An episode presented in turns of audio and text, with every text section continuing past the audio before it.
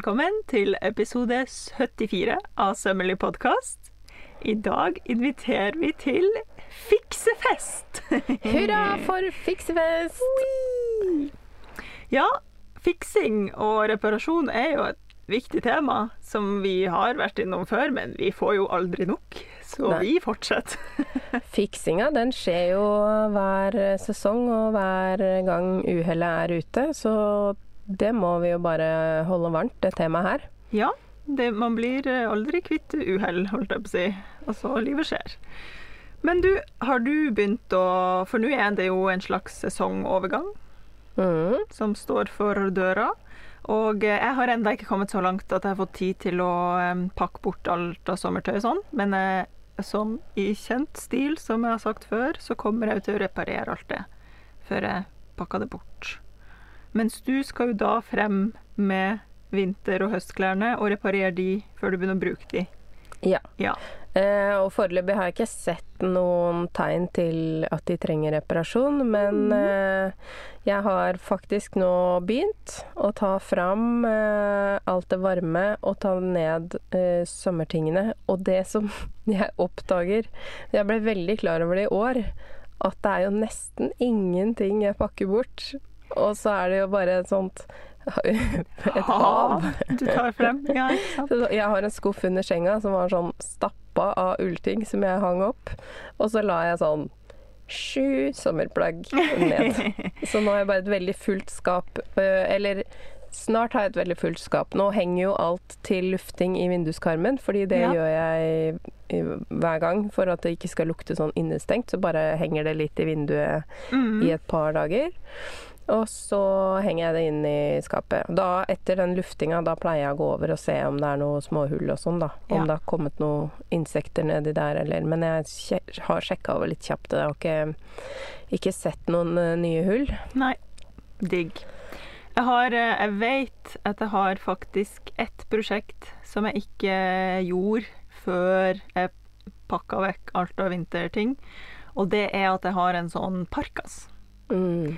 Som jeg investerte i for eh, sikkert Jeg vet hvor mange år Jeg orka ikke å tenke på hvor mange år siden det er. Det var i hvert fall det herrens år jeg flytta til Hammerfest og tenkte at jeg må jo ha en ordentlig jakke, ellers kommer jeg til å dø. Så da kjøpte jeg en sånn skikkelig dyr parkas. Eh, ikke noe sånn eh, gåsedun og revehaleparkas, men en parkas i syntetmateriale. og den em, er fra Fjellreven. Nå er ikke vi sponsa de eller noen ting, men nå sa jeg nå bare det. Fordi dit kan jeg gå og få den voksa. Altså jeg kan gå til butikken og få liksom uh, gått over den med voks. Ja, perfekt. Det har jeg ennå ikke fått gjort. Egentlig aldri siden jeg fikk den, så det tror jeg kan være lurt nå. Ja, nå er det året for det. Mm. Og det har jeg faktisk skrevet i notatene våre, Ja. litt lenger ned. At Ah. eh, Fjellreven har også sånn at man kan kjøpe eh, den eh, voksen ser ut som et såpestykke, Ja. og så sette det inn sjøl. Så på sånne bukser som man typisk bruker hele tida, Ja, sånne ja, turbukser og sånn, så kan man ikke drive og levere den inn hver gang, for det Nei. blir jo veldig kostbart. Men må man da varmebehandle det på et eller annet vis etter man har voksa? Jeg har ikke helt skjønt hvordan det voksen fungerer. Ja, det er noe varme inne i bildet, og muligens kanskje strykejern, men dette har heller ikke jeg. Det står på den pakka. På den Vi pakka. har et sånt hjemme. Å ja, dere har det. Det må vi Ja. se på i lunsjen. Ja, det kan vi se på i lunsjen. Det var nemlig eh, Det er nemlig ikke mitt eh, plagg den Nei, hører til. Og jeg er litt sånn nøye på at eh, det må man må lære seg å reparere ting Fiksefesten er ikke selv. din. Så Og som et lite apropos til det, så Ja. har faktisk min mann som mål denne høsten at han skal selv reparere alle skoene sine som er slitte på tuppen, fordi han får sånn alltid hull på tåa på sko. Eh, og, så det er da en kjempekurv som står ved peisen.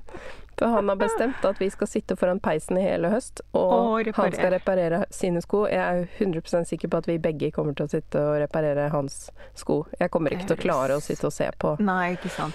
Det Så- høres koselig ut, da. ja, Peis, er- og, ja. peis og reparasjon. Og det er jo da sommersko, så de skal være klare til neste år. Sant. Oi, se her, ja. Mm. Så, og det var jo en del av denne opprydningen da, ved sesongskiftet, at vi eh, Mm. måtte rydde. Vi har et sånt skoskap under trappa, og da må man liksom krype inn. Det er ikke, vi gjør ikke det hele tida. Når Ja. vi først er der inne, Ja. da gjør vi det grundig. ja. Nei, jeg ser den. Men det høres jo ut som eh, den høsten blir flott. Mm. Reparasjonshøst. Og nå kommer jeg også til å tenke på sånn Vet du, en av de tingene som er sånn helårsgreie, som ikke er sesongbasert hos oss i hvert fall, når du eh, nevnte Henrik her nå, så kom jeg på sånn, det er lester, altså. Mm. Fordi Og de, ja, ikke sant, nå sier jeg lester. Det er ullsokker til de som ikke skjønner nordlending.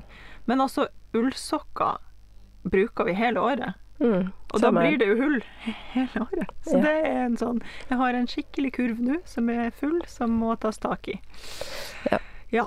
Jeg har faktisk, for jeg gjør det fortløpende, for, fordi jeg, vi også bruker så mye av det. Og så har vi jo et gammelt hus med ganske sånn, litt sånn slitne gulv noen Mm. steder, så det tror jeg sliter ganske mye på sokkene. Sikkert. Så jeg reparerte jo de jeg bruker mest for uh, to uker siden. Ja. Og nå er det to nye hull et annet sted.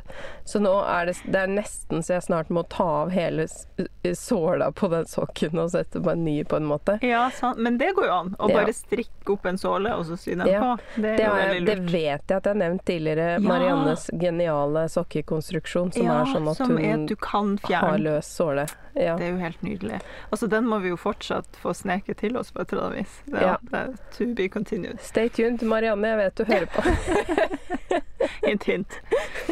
Men altså, kan, når vi først er inne på ullsokker Vi kommer oss jo ingen vei her. Men da må jeg bare si Jeg har liksom også tenkt etter å ha stoppa og stoppa og stoppa, så tenker jeg sånn For jeg har en mamma som har en tendens til å strikke mye sokker. Og hun strikker i sånn jålete garn, altså sånn som de her jeg har på meg. Det er jo ikke sokkegarn. Nei. Så det blir jo hull um, i mediamal, liksom. Mm. Altså bare jeg ser på de, så blir det hull, for det skal være så fluffy og koselig, de her sokkene. Og det tenker jeg, der må, du, der må man jo ty til noe akrylgarnaktig for at det skal holde mest mulig, må man ikke det? Egentlig. Men det er kjipt, Ja. for da er det ikke like varmt, føler jeg. Ja, men, eh, men det er jo ikke så mange prosent med nylon som skal til for at det skal bli litt mer solid. Litt mer holdbart, ikke Og sant? de der tynne stoppegarna, da må man jo på en måte veve et mye tettere En tettere vev, eller hva man skal si. Ja. Eh, Men da er det jo også mer av den sterke tråden uh, som er pakka sammen over det hullet, da, mener Ja. jeg. Sånn at det jeg ser på sånn som disse blå sokkene som jeg bruker absolutt hele tiden, mm. det er jo garnet som blir ødelagt hele tiden. Det er jo ikke stoppingene. Nei, Fordi da bruker jeg jo holdbart uh, garn, men der hvor jeg bare bruker en rest, som jeg jo også ofte gjør Ja, bare sånn, garnrest, Og liksom. nå krevde det litt rosa inni denne miksen. Da, fordi jeg, jeg ser jo på dette som et lite sånn livsverk. Ja, så jeg ja. vil jo at det skal se litt ut som et kunstverk under foten på den sokken. ja. Uh, og da kanskje jeg hadde gjort et dårlig valg og valgt noe som ikke var like solid da, hver gang. Eh, og da merker man jo stor forskjell. Det gjør jeg òg. For Ja. jeg er jo sånn, ja, noen ganger bruker jeg stoppegarn, mens andre ganger så bare bruker jeg noe garn jeg har, liksom, for hånd. Og det er jo Det som også er morsomt med reparasjon, er jo at hvis du bruker et sterkere garn, eller har i hvert fall jeg opplevd Hvis jeg bruker et sterkere materiale generelt, og det gjelder jo tekstil òg, så er det jo i den overgangen fra det nye, sterke materialet til det gamle materialet som begynner å slite litt. Det er Mm. der det går. Ja. Igjen og igjen og igjen. Ja, og det må vi også snakke om, den forsterkningen av For det, det er én ting er forsterkning av et helt område, og en annen ting er jo å reparere fysisk bare et hull. Bare det hullet. Ja. Eh, Begge deler i kombinasjon er jo egentlig det aller beste, men veldig fort gjort å glemme fordi man bare skal tette det hullet. ja. Men jeg, eh, for eksempel da, stopping, som er det vi på en måte var litt inne på nå, så syr jeg eh, mange sånne tråklesting gjerne i en sirkel eller firkant rundt området. Mm. Noen runder først. For da er det både for å feste tråden og for å forsterke området. Og fordi det ser jo ganske koselig ut med den der Ja, overgangen den fra den ene fargen til den andre. Ja. Det blir sånn fade, liksom. ja. Eh, og da må jeg jo prøve da at den eh, Den må jo helst dekke hele det skada området. Mm. Og noen steder kanskje jeg sper på med litt sånn maskesting, som betyr at man følger strikkemaskene med tråden også, for da blir det liksom enda sterkere. Mm. Så det blir en sånn salig blanding, og for de som liker at ting ser litt reint og ryddig ut, så vil man jo kanskje ikke ha forskjellig tråd hver gang, sånn som jeg liker. Ja. Men jeg syns jo det er gøy at det ser nesten ut som sånn malingssøl. At det bare er sånn splæsj av forskjellige farger blanda. Splash. Men der har man jo faktisk også veldig god mulighet for å få det til å bli Altså hvis man vil ha det helt usynlig, så kan man faktisk det med sånne maskesting. Det Mm. ser jo bare ut som det er det samme som har skjedd. Ja. Ja. Mm. Hva liker du best da av synlig og usynlig reparasjon? Jeg er jo ikke sånn svart-hvitt dame, da. er Jeg jo veldig gråsone, så jeg tenker alltid sin bruk.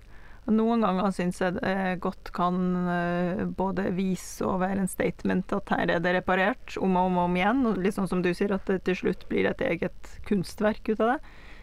Mens andre ganger så, så vil jeg at det bare skal være helt diskré, liksom.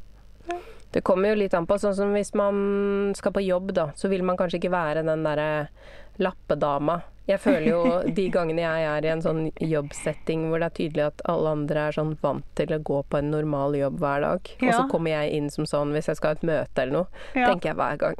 Jeg skjønner virkelig ikke hvordan jeg skal kle meg. Og da for eksempel ville det jo bare blitt enda en sånn Et eh, lag på toppen av det hele. ja, med sånn I tillegg så har jeg en genser full av lapper i forskjellige farger. ja, sant. Alt til sin tid. Ja. Det er mitt motto, ass. Ja. Men, eh, og det er jo helt utrolig hvor nøytralt liksom, man kan få det. Hvis man virkelig ikke vil vise at det er reparert. Man kan Ja. få det veldig, veldig, eh, veldig diskré. Mm. ja. Og for meg, jeg er helt enig i det alt i sin tid, at det er liksom det er utrolig tilfredsstillende med en usynlig reparasjon. Mm. Men så kan jeg bli skikkelig glad av en synlig, veldig pussig og morsom eh, reparasjon. Ja. Og hvis man vil ha litt mer inspirasjon til det, så tenker jeg jo at ukas sponsor er jo absolutt et fantastisk sted å starte. Midt i blinken. For ukas sponsor er nemlig My Visible Mend, og som har nettsida myvisiblemend.no. Og vi har vært så heldige og fått en rabattkode til dere lyttere, som du helt sikkert blir gira på å reparere litt sjøl. Så da er det altså bare å hoppe inn på myvisiblemen.no og få 15% rabatt i nettbutikken ut oktober. Ja. Har du rabattkoden? Ja, og den er sommerlig.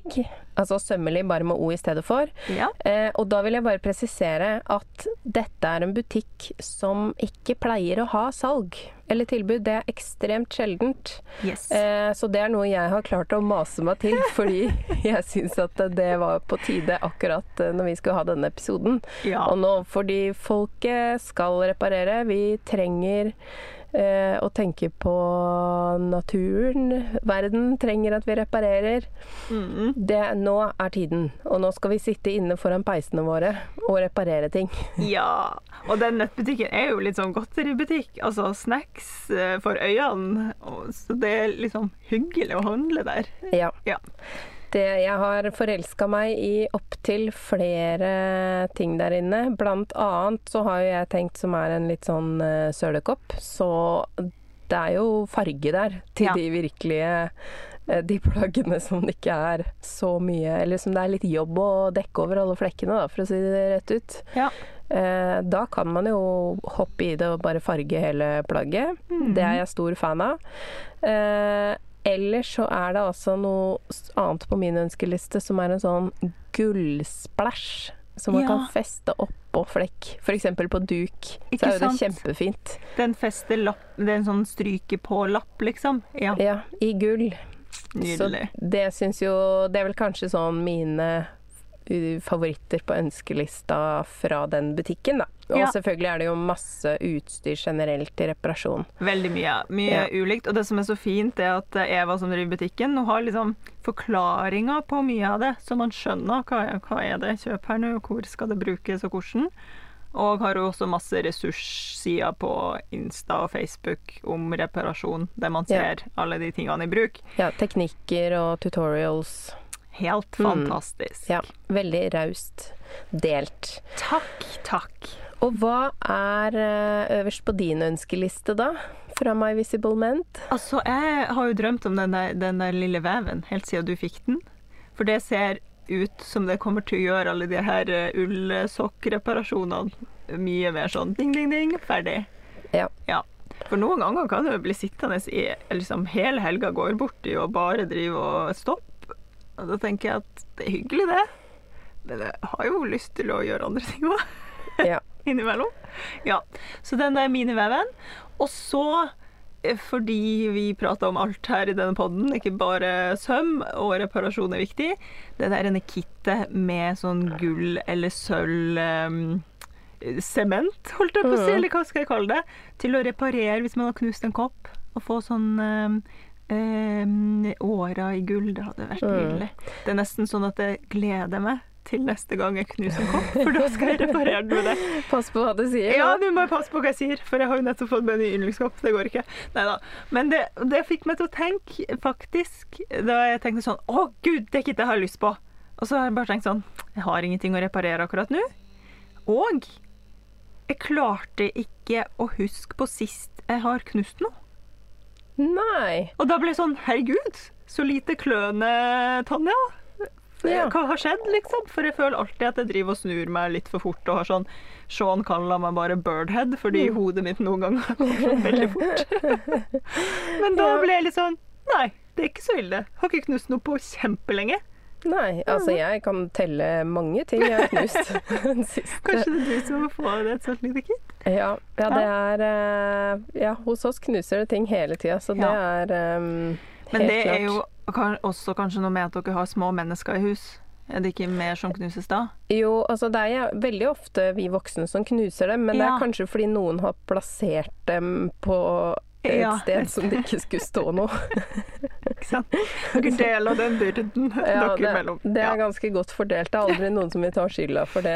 Og vi, vi er jo klønete hjemme hos oss, så det, sånn er det bare. Sånn er det bare. Men det kittet må jo da være midt i og det mener jeg heter kintsugi. Sånn, Kintsugi. eh, Så det kan være litt sånn bonusinspo, bonusinnspo, faktisk. Ja. Eh, Fordi kintsugi-prinsippet med synlig reparasjon, det er jo på en måte mye av det som ligger til grunn for synlig reparasjon på tekstiler også. Mm. Det at man heller skal fremheve det som en eh, fin ting ved plagget, i stedet Ja. for å dekke det til, da. ja. Og vise at det har blitt reparert. Mm. Og det, ja, til de som ikke vet, det er jo um, Kensugi det gjelder også tekstil. Jeg mener, og etter å ha lest mye om dette hos Eva, så mener jeg å huske, arrester meg hvis jeg tar feil, at det handler om keramikk. Liksom, hvis man har knust Mm. Ja, det ordet tror jeg handler om handler om keramikk. ja. Men Og da blir det jo reparert med ordentlig gull, faktisk. Altså sånn, det, Mm. det skulle virkelig gi en merverdi til eh, den gjenstanden å bli reparert, da. mm. Veldig vakkert. Og det er jo ja, mye av grunnen til, tror jeg, da, eh, til at hun har starta sin bedrift. At Mhm. eh, den der at man Vi reparerer det vi bryr oss om. Vi, vi viser liksom kjærlighet til oss selv, mm. men også tingene, ved å ta vare på dem og reparere dem. Ja. Så det er jo altså hele det, Alt dette med reparasjon, det er på en måte ja, det er noe praktisk, men det har også et mye sånn dypere plan, og det er det som jeg syns er så vakkert og viktig Ja. da, med reparasjon. Helt enig. Og Eva har jo Jeg vet ikke om det er hun som har funnet på det slagordet, men jeg føler at det er hennes ord, liksom hennes, ord fra hennes munn. If it's not worth mending, it's not worth buying. Amen, sier jeg Ja. liksom bare. Og så kan vi jo si, hvis det ikke er verdt å reparere, er det ikke verdt å sy. Så Ja. eh, ting man skal bruke tid på å lage, skal man også bruke tid på å eh, Ta gjenopprette på. og ta vare på. Ja. Så det var en liten sånn appell fra oss. Appell! og vi burde hatt sånn appellyd. ja. Pling! Da-da-da! Herlig. Ok, Skal vi ta for oss litt sånn prak det praktiske her? Ja. Litt reparasjonstips og, og diverse? Mm. Kanskje begynne med det, med det kjedelige. For jeg har, når jeg har tenkt på denne episoden, så har jeg tenkt dessverre så fins det jo ting Sånne kjedelige ting Mm. der toget bare er gått. Altså det er Ja. ikke noe man kan gjøre. Ja. Og den, den største tingen som popper ned i hodet mitt, det er når elastanet bare gir opp. Ja. La meg fortelle om eh, eh, tightsen jeg har brukt på dansing de siste åra.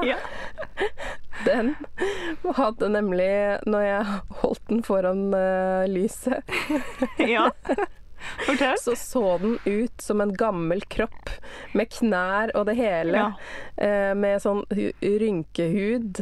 Eh, Mm. Og den var jo egentlig gjennomsiktig til slutt. Og den har jeg drevet og lappa og lappa, så de eneste stedene som var sånn litt jeg skulle nesten tatt et sånt kunstnerisk foto av den før Ja, jeg kasta den. Men, men den var jo Jeg hadde to sånne tights som var bare altså så fullstendig ferdig med den jobben de hadde gjort. Mm. Uh, men, det, men jeg aksepterer liksom ikke det før det har gått altfor langt, og folk kanskje til og med har begynt å legge merke til det.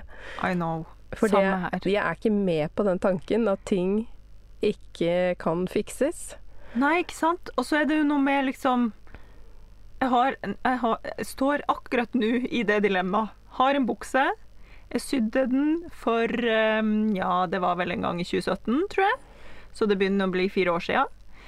Og det syns jeg ikke er spesielt lenge. Men fire Altså, år er jo ingenting. Ingenting. Altså, den buksa her har jeg hatt i sikkert ti år, men det er også polyester, da. Så det er sånn, ja. Men den buksa her er i bomull med en liten prosent elastan, for det var en sånn skinny, svart skinny bukse som jeg sydde.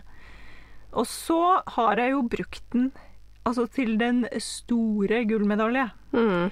Og eh, både jeg og du er jo litt sånn som sitter med knærne opp til ørene når vi sitter og liksom ned på huk og krabb og tralala, så den buksa har jo fått kjørt seg. Og nå har Elastane gitt opp.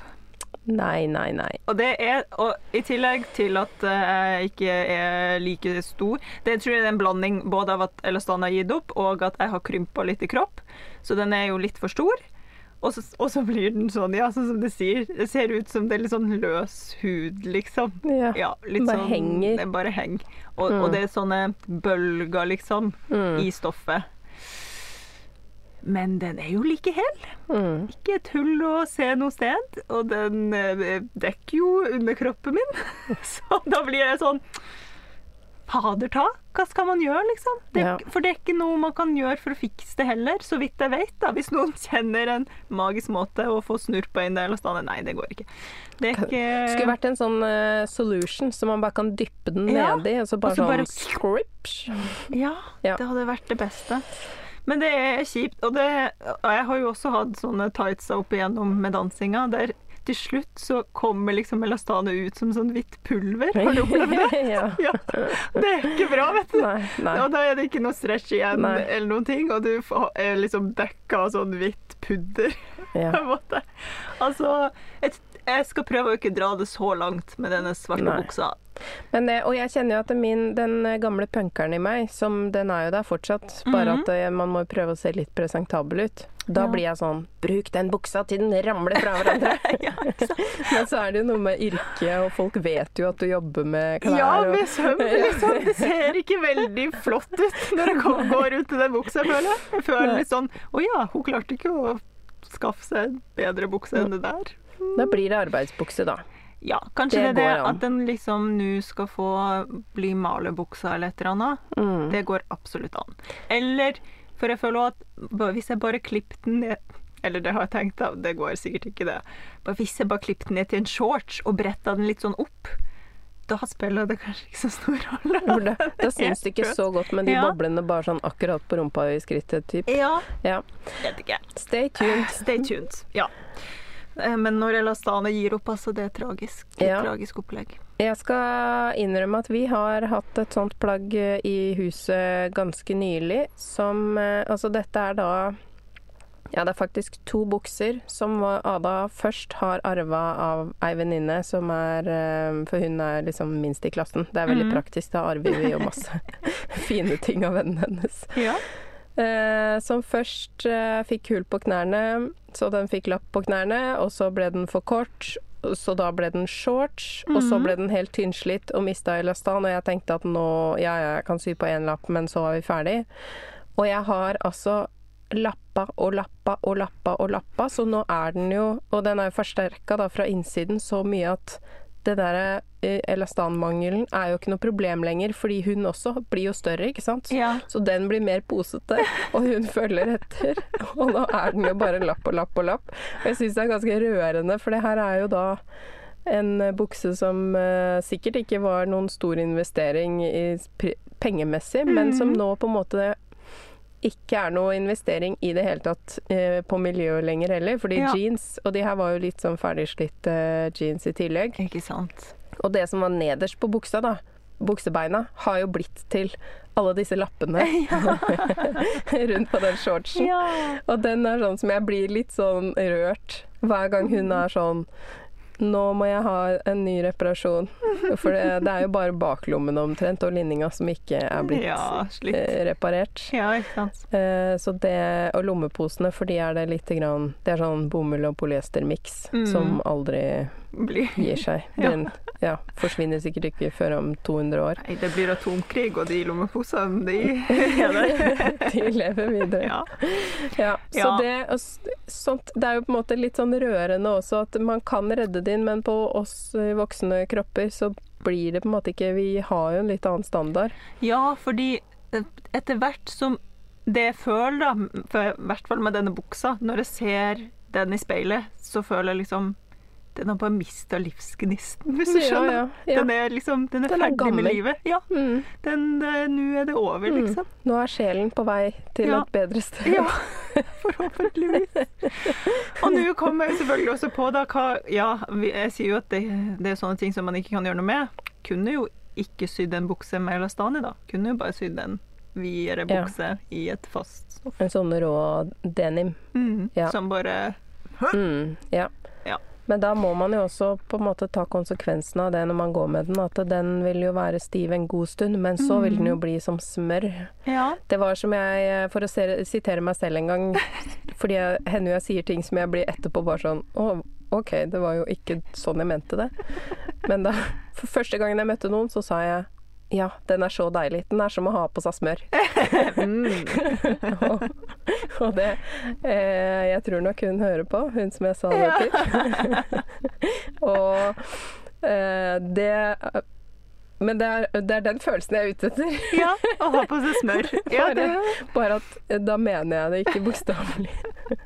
nei, sånn som du ser for deg. Hemmelig det er pysj. å ha Ja. Hemmelig pysj. Egentlig. Ja. Ja. Ok. Nei da. Ja, det var jo litt sånn eh, trist, eh, trist start. Ja. Men vi kan jo også eh, fortelle om ting som går an å gjøre noe med. Vi er såpass gira på reparasjon. Jeg tror vi klarer å hente oss inn igjen Ja, nå. la oss hente oss inn. Ja. Ok. Uh, noen ting som er veldig vanlige. Feil eller hull eller reparasjoner. Mm -hmm. for eksempel hull i strikka plagg. Ja, Det tror jeg vi alle møter på noen ganger i året. Apropos, jeg hadde min første møll i klesskapet i sommer. Jeg fikk helt sjokk, Mari. Jeg har aldri hatt møll. Godt det ikke var ull der da. Ja, det var enda godt, men det var jo silke i der. Så jeg ble ganske det var Panikken spredde seg. Ja, jeg tror til og med kanskje jeg hyla litt, men eh, jeg har ikke sett noe siden. Du har ikke sett Eller altså, det, det ble sannsynligvis ikke egg. jeg håper ikke, det, altså. Nei, ja. Altså, Den mølla ble kasta på huet da jeg Ja. var ute av huset. Ja. Jeg vet ikke, men eh, ja. Jeg har ikke oppdaga noe hull eller flere møll enn så lenge. Så Da skal jeg si en annen ting. At jeg har faktisk lært opp barna mine til å kjenne igjen møll. møll. og, og disse andre tingene som spiser tekstiler. ja. Så de henter meg hvis de ser dem. og så tar jeg dem ut. ja. Og Ivo blir helt hysterisk hvis det er en møll i gangen, fordi det er jo der mye av ulla er. Ja, ikke sant. Det er farlig. farlig. Sånn, ikke sånn, Jeg har ikke skremt han, men han er sånn veldig opptatt av at den må vi få ut. Ja. Han er veldig opptatt av insekter, så det er jo det, Ja, så vi fanger, fanger den liksom og tar en liten kikk på den før vi slipper den ut. Sant. Det er så bra. Altså, jeg tror eh, toget er gått for sånn. Han ser ikke forskjell på noe som helst, og ikke bryr han seg heller, tror jeg. Så det er ikke noe hjelp å få i huset vårt. Nei, nei, men det er det som er så kjekt med barn. de Ja, er de blir nyttige. engasjert Ja. i sånne ting som Ja. man klarer å engasjere dem i. Det er nydelig. Ja. Ja, så det er jo eh, Og da kan man jo både hente opp masker som er på vei ned med Da kan man jo bruke en liten heklenål, eller Jeg bruker også hodet på en knappenål hvis det er sånne skikkelig bitte små. Ja. Da henter jeg dem liksom Prøver å strikke dem oppover igjen der hvor de har bare sånn fått sånne hengetråder Mm. med en maske langt nedi der. Og det fins det en sånn maskehenter også. Ja. Det tror jeg jeg har sett hos Eva, kanskje. Ja, det har hun Mm. i flere størrelser. Eh, og med Eva så mener vi My Visible Men, da. Ja. Men som er ukas sponsor. Vi er liksom på, på eh, første navn, holdt jeg på å hva heter det? På fornavn, For- ja. takk. Det er jo litt sånn uh, også som man må huske på at når vi nå jobber i denne bransjen, så er det jo ikke uvanlig at vi er på fornavn med de som bidrar inn i podden. Eh, ok, så Og det er jo én ting. Og så må man jo feste denne maska som har uh, forsvunnet av gårde.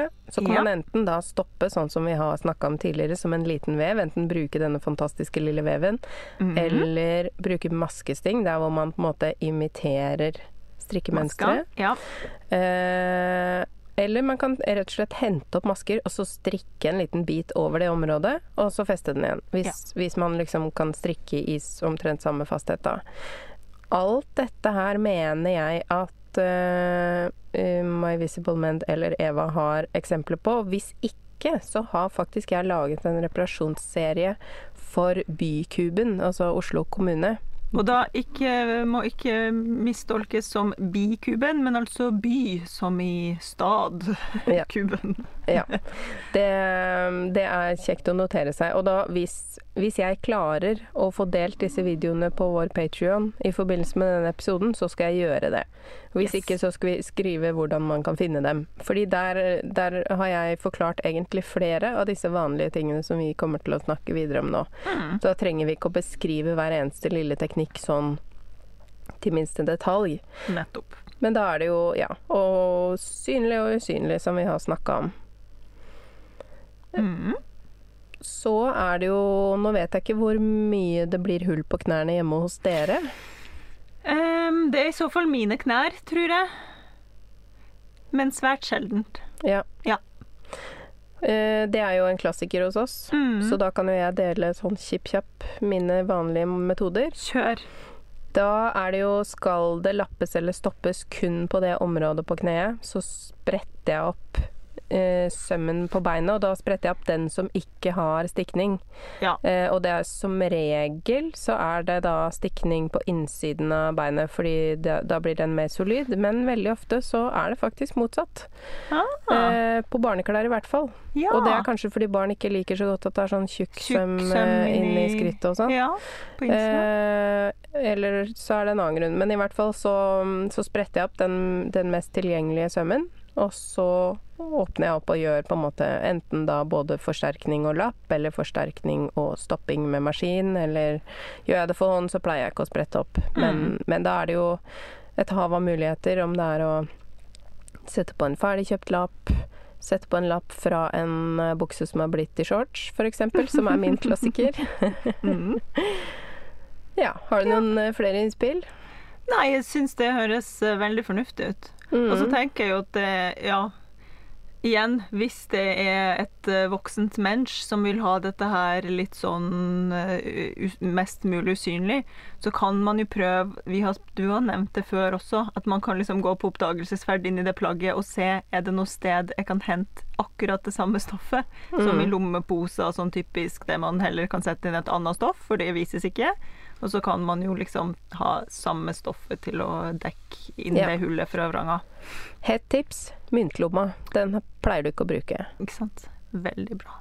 Hett, hett. Hett, hett, hett. Eller så har man jo veldig ofte For ofte foretrekker man jo den samme jeansinnfarginga.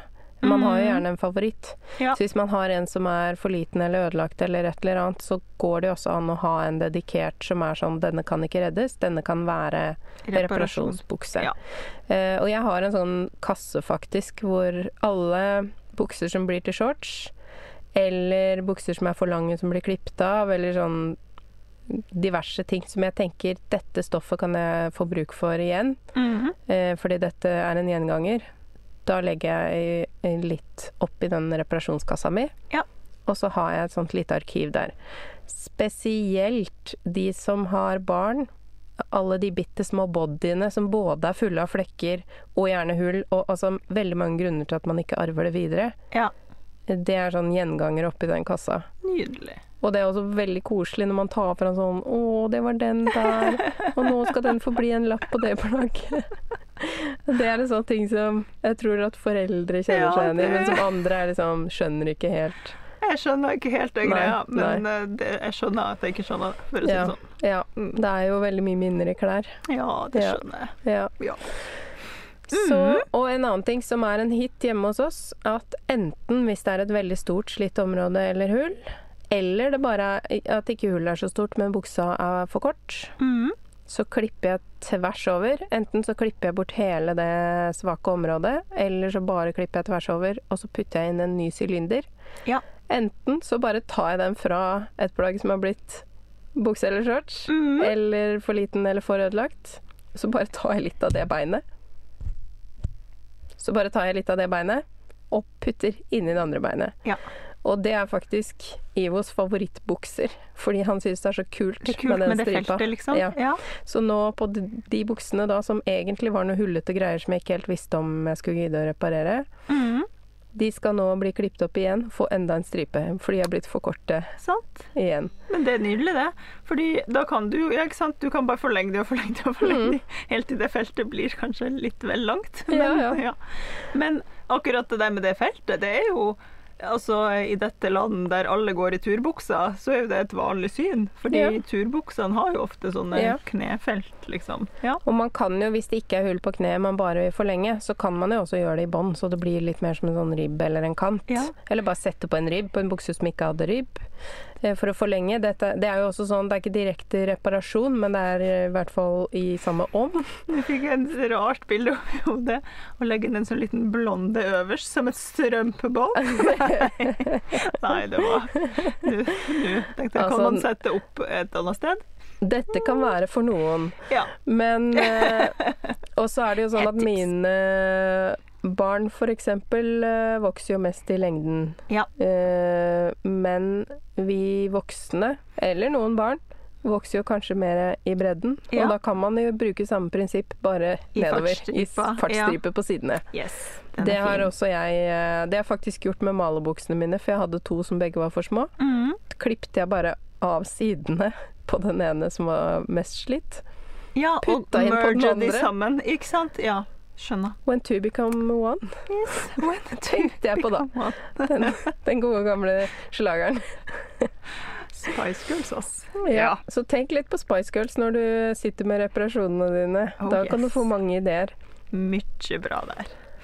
Men mens vi er på jeans og bukser og sånt, knærne, gjenganger, skjer som sagt ikke så ofte hos meg. Det som ofte skjer, eller nå bruker jeg veldig lite jeans, men jeg husker fra mine jeansdager, og jeg har også reparert mye av dette hos min kjære Sean.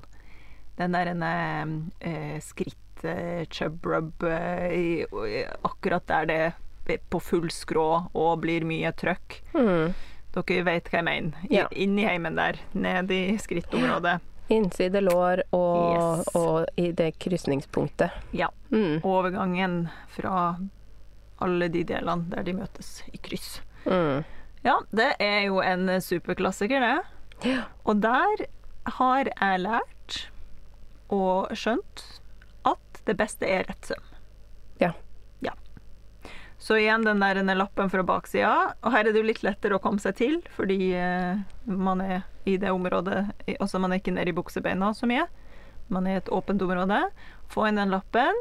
Og der har jeg også fått eh, tips og har god erfaring med at lappen burde være i ca. samme tyngde som på en måte jeansstoffet er. Mm. Sånn, ja, så nært man kommer, da. Mm. Og så er det jo bare peis frem og tilbake med den rettsømmen, ikke sant? Mm. I trådretning, helst, har Ja. jeg skjønt. Det er også faktisk ganske vesentlig, for ellers så Mm. vil man jo få Hvis man da kjører på skrå, og så kanskje hvis lappen ikke ligger akkurat i lik trådretning, så blir det sånne bulker fordi ting forskyver seg litt og sånn. Ja. Men det vil jo ikke skje hvis man er i trådretning, for da ligger jo ting, ligger ting der hvor de er. Ja. Og det syns jeg egentlig er ganske meditativt, og bare sånn sy ned, sy tilbake, Ja. sy ned, sy tilbake, la la la, dette tar den tiden det tar. Ja. Jeg Det er kjører jo i på en måte, også. 110 når jeg gjør det. Jeg òg. Syns det er veldig gøy. Men, Man kommer men inn i en sånn transe. Ja. En slags sånn rettssøvntranse, på en Ja. måte. Mm. jeg syns det er så Ja. deilig. Og så er det jo det der eh, Ja, for jeg opplever ofte at det er litt som å male med tråden. Mm. Fordi hvis man ikke finner den helt perfekte fargen på den lappen, så kan du fortsatt både bruke For det er jo gjerne litt sånn ulike sjatteringer i jeansen. At noe ser helt hvitt ut, altså innslagstråden er helt hvit, og så er det liksom blått eh, på, ren, eh, ja, på renninga. Mm. Og hvis man da bruker, og ikke lat, men skifter litt på overtråden, i litt, så til slutt så kan man få det til å se helt usynlig ut. Det Ja. er noen ganger helt sånn Herregud, for et Ja. mesterverk! Ja, ja, jeg syns det er så gøy. Ja, det er kjempegøy. Veldig, veldig gøy. Og da, men der har jeg jo også eh, brent meg litt, at jeg går litt for dypt inn i den transa. Og så syr jeg litt for mye og tett, hvis du skjønner. Ja. At det blir helt sånn, sånn stivt. Ja, Ja. At det blir sånn betongstemning der nede. Det er ikke så digg. Så eh, kjenn din grense, kvinne eller mann. Ja, ja, for det blir liksom Det er nesten litt sånn bleieaktig. Ja, Eh, men det går seg jo ganske ja, fort til igjen. det. Det gjør det. Ja. Men fortsatt, liksom de første gangene man går rundt med den lappen Mm. eh, oppi rett under rumpa, sånn stiv, stiv liten flekk, det er ikke det beste. Ja, men det er så verdt det. Ja. Og, og en annen vanlig ting er jo rundt lommene. At eh, liksom der hvor det er mye slitasje, at den på en måte eh, løsner. Mm. Da er det jo en firkanta lapp som dekker eller en, en lapp som dekker området rundt, først og fremst, da. Som Ja. man må da eh, få festa på. Og så er det jo ikke så lett å sy gjennom alle de laga når man ikke har en spesiell maskin, men eh, da kan man jo også bruke Tjukk nål er vel Ja. kanskje det beste tipset, da. Ja. Ja, egentlig til alle disse jeansreparasjonene så er det jo noe med å ha riktig nål. Mm. Symaskinnål. Jepsi Um, pepsi. Ja, og heller og bruk og sy sakte. Jeg bruker veldig ofte håndhjulet på de tjukke. At jeg vrir liksom noen steder, og så tråkker veldig, veldig forsiktig når jeg har hjulpet i gang. Mm. Det er også viktig å huske på. Enig. Og der er på en sånn Nå må jeg fortelle. det her eh, var et um, kostymeprosjekt jeg gjorde. Og så har de spilt masse, masse forestillinger, så de kostymene har jo virkelig fått kjørt seg. Eh, men det var de kostymene som var far plantefarga, så jeg har jo gitt de streng beskjed om å kun håndvaske. Og det har de vært flink til.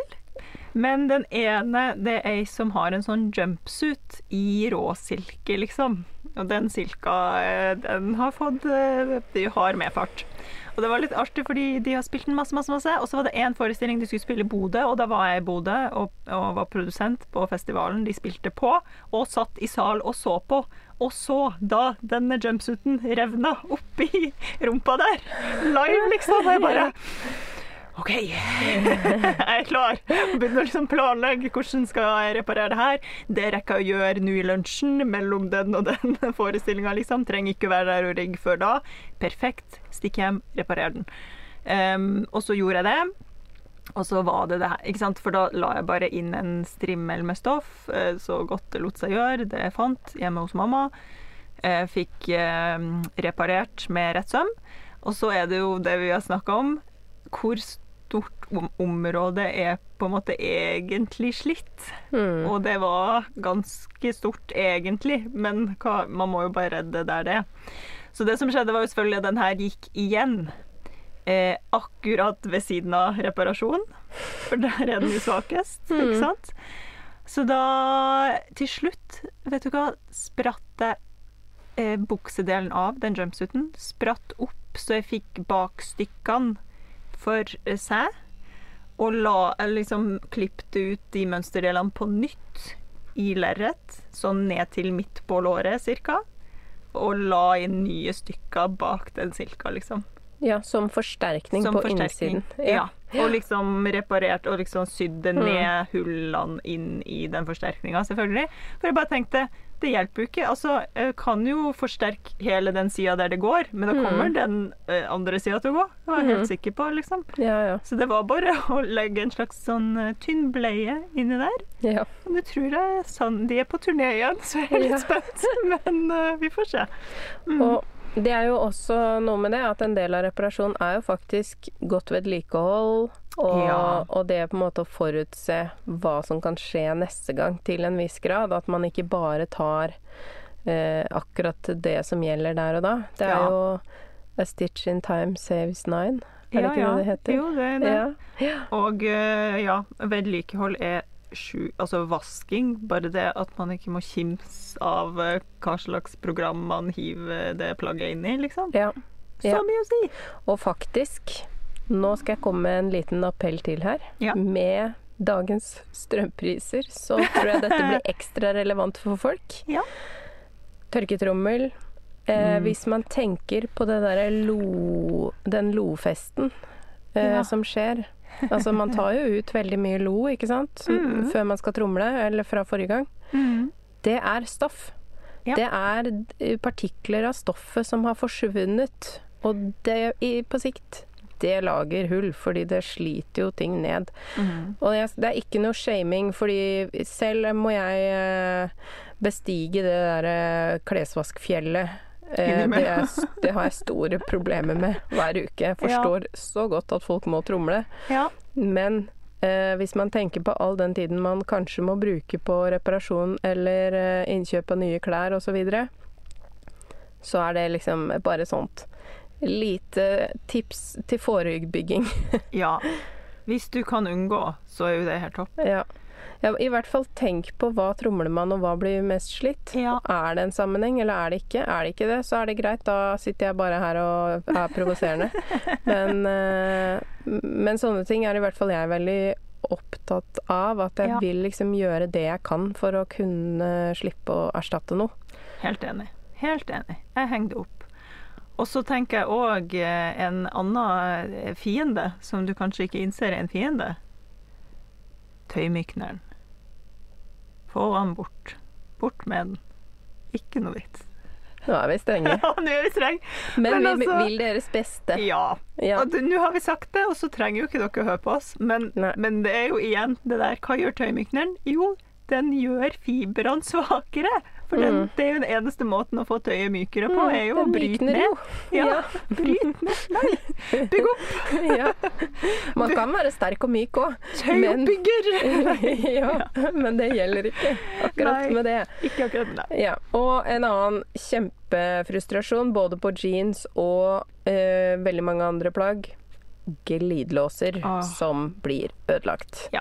Så mange måter glidelåsen kan bli ødelagt på. Noen ganger så er det bare å skifte ut en liten del, og så funker det. Veldig ofte må man bytte ut hele greia. Ja. Eh, da er det bare noen raske tips fra oss. Mm. Eh, husk på rekkefølgen ting eh, er satt sammen på. Ta gjerne bilder når du spretter ut, så du vet hvordan du skal putte det inn igjen. Ja. Det syns jeg er sånn kanskje nummer én. Rekkefølge. Rekkefølge er lurt. Og så er det dessverre, da, litt sånn at jo mer du I hvert fall gylf, Mm. så kan det noen ganger være lurt, selv om det er sånn Åh, må jeg sprette her òg, liksom? Ja, du burde det. For da er det lettere for deg å komme til og få lagt det ordentlig, og du slipper at det blir liksom en bul i den glidelåsen osv. osv. Så, Ja. så noen ganger er- det sprettinga er jo det som tar tid her. ja. Og så er det liksom å bare få smelt den inn. Hvis du har spretta nok, så er det lett og kjapt å smelle den inn. Mens hvis du har vært litt gjerrig på sprettinga, så blir det litt med knot, for da kommer man ikke ordentlig til og sånn. ja. Ja. Da vil jeg bare nå fortelle at uh, i Ukas feil så skal vi eh, tilbake til dette tilbake til uh, buksesmekktemaet. Ja. Nydelig. Eh, og da, hvis du syns det er eh, skikkelig kjipt det her med å skifte glidelås For det her syns jeg glidelåsskifting Mm. kanskje nummer én viktigste reparasjon å lære seg. Fordi eh, Altså miljøkostnad, hvis man tenker på alle sånne tekniske plagg. Og jeans, for den saks skyld. Også kjempemiljø... Eh, Versting. Ja, på, Ja. mm, i forhold til produksjon. Eh, turtøy, jakker. Det er så mange sånne stoffer som sliter på ressursene, så de bør få lov til å leve så lenge de kan. Eh, og de der tekniske plagga kommer jo veldig ofte fra produsenter som nå har begynt flere og flere å ha sånne reparasjonstjenester. Mm. Så hvis du syns det er helt forferdelig, og, eller hvis det er en sånn vanntett glidelås og du ikke helt orker å sette deg inn i de tinga, sjekk om noen kan gjøre det for deg hvis du ikke egentlig har så lyst. Fordi det er eh, Du vil spare penger på det i lengden. Eh, og uansett vil du spare miljøet på det. Men vi er jo kjempefan av disse nye reglene for uh, moms og sånn når det gjelder reparasjon, som vi håper virkelig at kan gå gjennom med denne nye regjeringen. Ja, herregud, nå det, ja. La oss ikke gå inn på det. Nei, la oss ikke gå inn på det ennå, men uh, det, det må bli fest hvis det skjer, altså. Ja. Uh, og vi kan jo Fiksefest, ja. fest. Fiksefest! Det må bli fiksefest snart. Vi kan jo avsløre at dere må eh, Hvis dere ble litt sånn Å ja, hvordan skal jeg få ordna den her glidelåsen i den tekkjakka? Hør på Søvnmelding-podkast neste uke. Ja. Et lite tips der. Ja, er stort tips. Um, også en annen ting som jeg tenker at er et eh, tips til det her hvis man kan bli litt motløs og sånne reparasjoner. Ha fiksekveld med en venn. Mm. Eller mange. Eller i det lokale. Ja, og har du ingen i nærheten av deg som du tror at det er relevant for, kontakt eh, Husflidslaget eller eh, i barnehagen eller skolen eh, er det andre som har lyst til å gjøre dette. Hmm. Sybutikk Altså alle har en eller annen sånn type ting i nærområdet hvor det kan passe å henge opp en lapp sånn Hallo, vil noen ha en reparasjonskveld sammen med meg? Ja. Eh, folk er gira på, på å få ting gjort, men ikke alltid så motiverte alene. Nei, Det er noe med det. Ja. Værendringer du vil se. det er en slags appell. Jeg er ikke så god på appeller. ja nå, så jeg føler vi er, nå er vi, vi er skikkelig på ballen i dag Ja, ja, i forhold til uh, i, i verden. Ja. Men, men nå er vi uh, Dette er et tema vi er veldig opptatt av. Mm. Uh, og en annen ting som eh, ofte skjer, er jo at en knapp har løsna og tatt med seg litt av stoffet. Mm. Og det at man da må forsterke stoffet. Og gjerne litt sånn skikkelig der hvor det er knapp. Og noen ganger kan man til og med sy på en liten knapp på baksiden baksida. samtidig. Som en sånn som holder igjen den Mm. uh, sømmen. Not bad at all. Mm. Det er jo egentlig supertips til alle sånne litt utsatte områder. Eller hvis man har sydd syrknapp i et litt tynt stoff.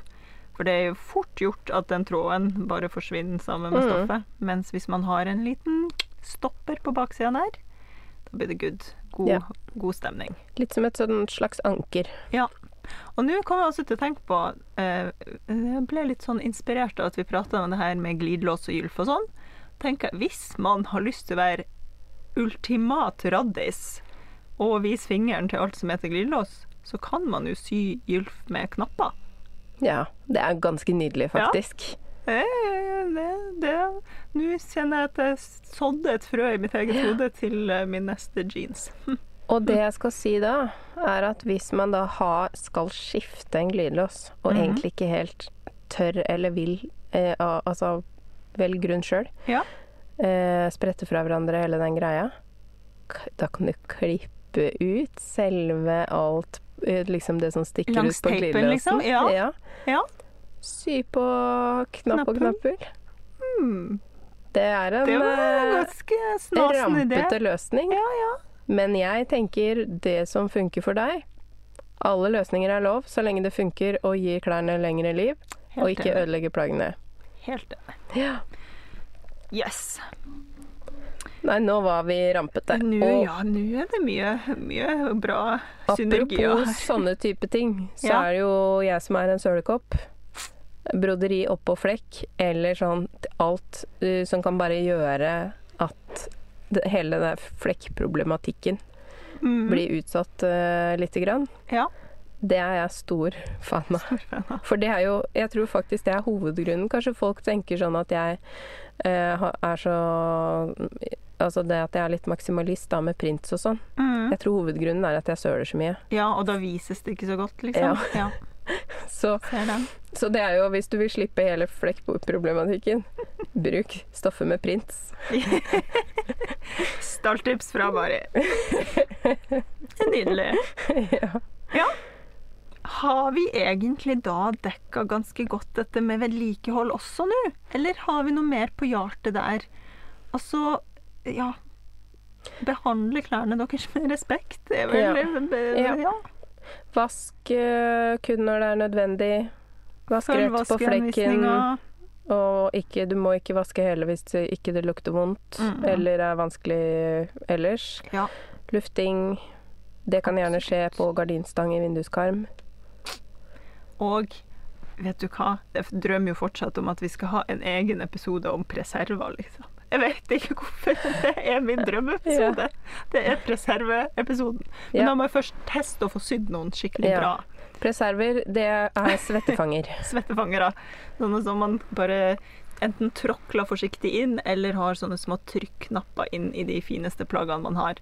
For da slipper man å vaske de så ofte, og da varer de så mye lenger. Ja, det der er en tanke. Skal, det der skal jeg teste ut uh, konseptet sjøl også. Ja, må, vi må teste litt, og så kan vi ha en sånn preservespesial.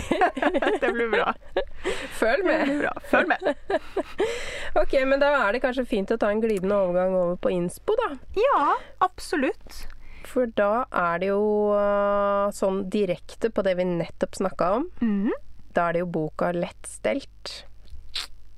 Der Nydelig. er det, og den er av Ingunn Grimstad Klepp og Tone Skårdal Tobiasson, som vi Det er jo to av våre store forbilder i livet. Mm -hmm. um, de har jo øh, Dette er jo en triologi, så det er jo lettstelt, lettfiks Ja. og lettkledd. Yes. Eh, men spesielt lettstelt og lettfiks, det er jo direkte innspo til denne episoden. Det er masse inni der som eh, man kan kose seg med. Putte rett på julegavelista nå. Nå er det ikke lenge til eh, det er på tide å få gave. Ja. Perfekte gaver å gi og få. Ja, veldig lurt å ha skrevet det ned, så slipper man å få sånne idiotiske Ja. lysestaker som man ikke trenger, eller Ja, vet ikke hva nisse, dere får liksom. der ute, men Yes, heller disse bøkene. Mm. Fantastisk nydelig. Nå tenkte jo jeg at du kom til å ha en eller annen sånn koko-reparasjonsinnspo, så da tenkte jeg at jeg kunne være motvekten og dra det liksom over i noe helt annet og veldig diskré. Så jeg har jo da som min innspo at folk kan researche litt på Swiss darning. For det er egentlig det vi har snakka om nå med å sy sånne maskesting. Men det kan altså bli så usynlig at man får eh, vondt i øynene, for man skjønner ikke hvor eh, det har blitt reparert. Og så tror jeg jeg har nevnt det her før. Har jeg nevnt det her før, Mari? Den gærne japanske filmen eller videosnutten på YouTube med en håndverker som reparerer en bukse, og så har da eh, Det er tull. Hull midt på har eh, på et eller annet sted i den buksa henta ut et, eh, en bit med stoff. Altså rakna det opp i vevinga, i kantene. Sånn at man har liksom ganske lange tråder av de Altså tråden som stoffet er vevd av. Og så fle, altså sånn vever denne personen denne biten inn i selve stoffet. Over det hullet. Jeg vet ikke om du har nevnt det, men jeg har sett har videoen, sett videoen? og jeg var helt sånn mindblown. Fordi Altså- selv om jeg så det skje, så klarte jeg ikke å se hvor han hadde gjort det etterpå. Nei, Man ser det ikke til slutt! Det er Nei. helt sjukt! Ja. Jeg fikk helt Det er helt bakoversveis. ko-ko opplegg. Og det er faktisk ko-ko opplegg, selv om det ikke er sånn ko-ko på den måten som du ja, på din koko, liksom. Ja, men altså, da ble jeg bare helt sånn der Herregud!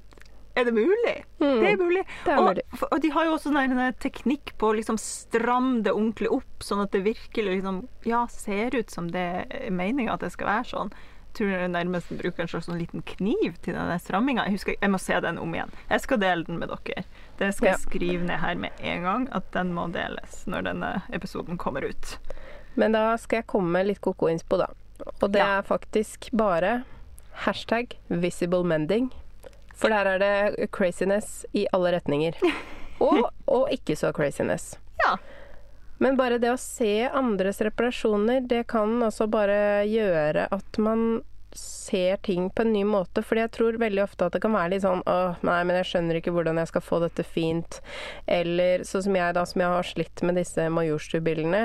En brun pelsbille som eh, lager hull i mine deiligste ullting. Gjerne de der små delikate som er vanskelig å få gjort pent. Da har jeg begynt å tenke sånn Hvert hull er en mulighet. Dette skal være et livsprosjekt. At de plaggene de må bare dekoreres. Ja. Så min, jeg har en av mine favorittgensere som faktisk er en kjøpegenser, fordi det er sånn tynn, tynn ull som ikke jeg kommer noen gang til å strikke, i hvert fall. Eh, der syr jeg sånne små ruter i en, en Jeg har liksom bestemt en slags fargepalett, litt Ja. tilfeldig basert på hva jeg hadde tilgjengelig, og litt sånn fordi jeg er fargenerd. Eh, så syr jeg bare en sånn rute da, i den rette størrelsen her og der rundt omkring på plagget, for man vet jo aldri hvor de kommer. Og nå har jeg begynt å se på den genseren som et eh, liksom pågående kunstverk. Ja. Og- Mellom deg og Majorstubildene. Det er ja, et nå slags er det sånn, for jeg må bare akseptere at Ja. det er de deiligste tingene den vil ha. Ja. Dessverre. Eh, og selvfølgelig så er det jo en annen ting jeg kan gjøre, er jo hyppig støvsuging. Det er jo takket være Majorstubila at vi faktisk har begynt å ha husvasking hver uke. Den har, den har gjort mye, den her billa. Altså sånn påvirka Ja. livet ditt i Ja. aller høyeste grad. Ja. Virkelig, altså. Så det er jo sånn som eh, ofte skjer med i gamle hus når man river eh, gulvene. Så får man noen venner på kjøpet som man ikke Som tar litt tid å bli eh, Ja. kvitt eller Åh. godta. Jeg lukter et slags sånn memoar her, Mari. Mari ja, Mario Majorstubilla, nei.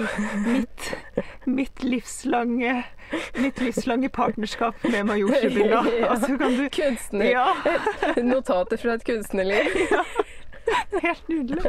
Dette Ja. er fantastisk. Du må Ja. ta bilde av alle disse prosjektene, sånn at de kan komme inn i disse memoarene. Det skal vi se om jeg klarer å, å sette på den uendelige lista mi. Men Yes. Og da har jeg også blitt klar over at det er jo Fordi det er jo denne Majorstua-bildet, og så har jeg blitt klar over at det er noe som heter sebraklandere. Har jeg Husker det riktig nå? Jeg er jo oh, helt elendig på å huske navnet på ting. Men jeg tror den ligner en god del, da. Det er en sånn kjempebitte liten bille. Men uansett, hvis man får sånne mystiske små hull, og vi har liksom Jeg trodde det var vaskemaskina, jeg trodde det var kaninen, stakkars Kåre, han fikk jo skylda for de hullene Ja, ja. så lenge. Men uh, han kunne jo ikke bite så små hull på så rare steder. For alle som ikke vet hvem Kåre er, det er jo min Vi hadde innekanin før. Men altså, hva sa du den het? Sebra? Jeg skal finne det nå, for dette Ja. har vi fått fra en lytter, nemlig. Og da Åh. tenkte jeg å komme med et tips også, som har kommet inn der. Mm. Eh, for dette er, dette er veldig ferske tips. Fordi Oi, at jeg delte i Story Ja, sebraklanderen er akkurat det samme som Majorstubilen. Bare Ah. enda mer hardfør. Å, kjære vene. Så, så det er sånn uh, ny, ny fellesskapsskapning. Gud. Um, ja, så da Og så er det selvfølgelig møll. Men uh, hun kunne også nemlig tipse om eh, til oppbevaring. Fordi hvis man da har disse i hus, Mhm. selv om det er en anbefaling om å ikke oppbevare klær i plastkasser, for det har jeg lest i denne lettstelt-boka, Ja. så må man jo nesten det hvis man har de insektene ja. i hus, ikke sant? Så Da må man jo vel Ja. noen over den andre, på en måte. Ja. Hos meg har jeg jo et regime med fryser. Fryser? Fryser. Ja. Og så plast, plastkasser. Nei, gud. Plastkasse. Ja. Ja, fryser. Sørger for at ikke det er fuktig. Og så Ja. i plastkassa. Og så kunne hun si at hvis man putter bind eller truseinnlegg Å, i disse plastkassene, så tar de eventuell fukt. ja! Var ikke det Selvfølgelig. fantastisk? Herregud. Ja, men da må det jo være sånne bind eller truseinnlegg som har det der laget med sånn fuktabsorberende greier. Det er jo Mhm. som sånne her silikaposer, s- ja, silikaposer, da. typ silikapose. Ja. Ja. Og det, da kommer jeg jo på, det kan man jo også få kjøpt sånn på Biltema, sånn der en eh, fuktsuger, eh, bare en sånn pose med sånn silikastøff. Hvis eh, man eh, ikke vil kjøpe bind og truser, jeg vet ikke. Kanskje jeg vet ikke om de mannlige lytterne våre nå springer på butikken for å kjøpe Jeg Tror de er ganske åpne til sinns, altså. Ja, det tror jeg egentlig òg. For så vidt. Men ja. hvis man ikke er det, kan også dra på Ja. Biltema. Eller så bare samle opp alle de der silikaposene hver gang Ja, man kjøper gang man noe, fordi de kaster man jo bare. Ja, og Det det er en gjenbruk. slags eh, miljøversting, det òg, er det Ja. ikke det? Ja. Ok, nytt, det ble enda et tema. ja. Vi er on fire i dag. All right. Ja, innspo. Hva med feil? Da skal vel jeg fortelle om eh, den gangen da jeg uh, skifta glidelås i eh, feil bukse. I feil bukse? Nei. Nei. Åh. Så da hadde jeg jo spretta opp hele jeansopplegget og skifta glidelås. Og så var det sånn Tok ut den gamle og skulle lukke den igjen før jeg kasta den, fordi av en eller annen grunn gjør jeg det. Ja, men denne fungerer jo. Så jeg på den andre buksa. Å ja. Nei. Da må jeg gjøre det helt på nytt. Nei. Å, det var vondt, Mari. Det, det kjente jeg på frustrasjonen, liksom. Jeg tok den jobben. Ja. Nei, det er ikke noe, det er ikke noe godt, altså. Jeg kan ikke gjøre annet enn å le, så da tok jeg jo den glidelåsen jeg hadde spretta ut, da, og satte inn i den andre buksa. Ja. Ikke sant? Ja. Nå, jeg har en feil som er litt sånn Den tror jeg sparer til en annen episode, for vi må jo ha litt sånn redesign og omsøm-episode en gang. Så, for det var mer det. Det var ikke liksom direkte reparasjon. Men jeg tror jeg kan dele en sånn generell Jeg vet ikke om jeg kan si at det er en feil, men det kan ofte irritere meg. Og har gjort det litt sånn i eh, tidvis det er når jeg driver og syr et helt nytt plagg.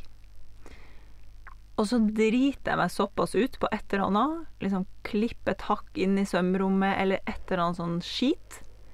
Som gjør at jeg må reparere det plagget før det er nytt, Ja. liksom. Dette er du ikke alene om å ha gjort. Åh, det gjør så vondt! Ja. Bare, Å ja vel, hva var vitsen med å sy det her plagget? Det er ikke nytt lenger, liksom. Jeg har allerede måttet reparere det. Det er ikke ferdig engang, liksom. Det irriterer meg noen ganger altså bare så mye. Og noen ting er jo mer sånn her Oi, hopp så hei, her, her ble det litt snaut med sømrom. Men det er greit, tenker jeg. Da, det liksom, da tar man høyde for det. Ja. Men det er sånn her når man liksom Her har jeg klippet hakk rett inn i plagget, liksom. Mm. Æsj. Og det uh, kan vi jo bare påpeke at vi som jobber med dette her, og har jobba med det en stund, vi gjør dette fortsatt innimellom. Å ja. Det er Å ja. ikke bare nybegynner på kurs som gjør dette her. Niks. Vi har jo alle våre dager, liksom. Ja. Og da kjenner jeg så mye glede jeg har eh, av reparasjon til vanlig og ellers, og føler jeg forlenger livet. Når Mm. livet ikke starta engang, og jeg må reparere, da kjennes det tungt. ja. Åh, men eh, jeg gjør det jo, og det går jo bra. Og det er jo bedre det, liksom, enn eh, at eh, man klikker i vinkel og gir opp det plagget. Men da er det vondt å reparere, syns jeg. ja. Ja. Det skjønner jeg veldig godt. Men da må man bare skynde seg å gjøre det før, før det blir en irritasjon. Ja. Ferdig med den saken. Og så kan man jo, siden plagget ikke er helt ferdig, så kan Mm. man jo kanskje da sette inn et panel eller et eller annet. Man kan jo alltid fikse på en annen måte. Ja. Men noen ganger så er det ikke noe vei utenom enn at her må det bli en reparasjon, liksom. Mm. Ja. Ja. Og nå for å avslutte på en litt mer positiv note, Ja. så tenker jeg at jeg også vil tipse om boka 'Mending Matters', Yes. som er veldig fin. Veldig fin. Eh, og så her i Norge så har vi jo Eline Medbø, som eh, Hun har vel også gitt ut en eh, bok om reparasjon, 'The Act of Mending'. Ja. Eh, som Og det kan være litt sånn gøy, for det er ofte utradisjonell eh, reparasjon og litt mer sånn over på kunst, da. Mm. ja, for jeg kjenner Eline mest som kunstner. Ja. Ja. Og det er derfor. Ja. ja. Det er derfor. Så det er jo egentlig bare å si til dere reparer. Plei tingene dine. Og bjuda inn på fiksefest så ofte Ja. du bare kan. Ja, og det er jo ikke minst veldig koselig. Og har du ikke så mange ting å reparere, så kan du jo bare sitte og se på at de andre reparerer, og Ja. kose deg med det. Det tenker jeg òg. Herlig. Ja. Takk for i dag. Takk for i dag. Tusen takk for at du hører på Sømmelig podkast. Og takk til Andreas Prestmo i Wildtagen Studios for lyd og klipp.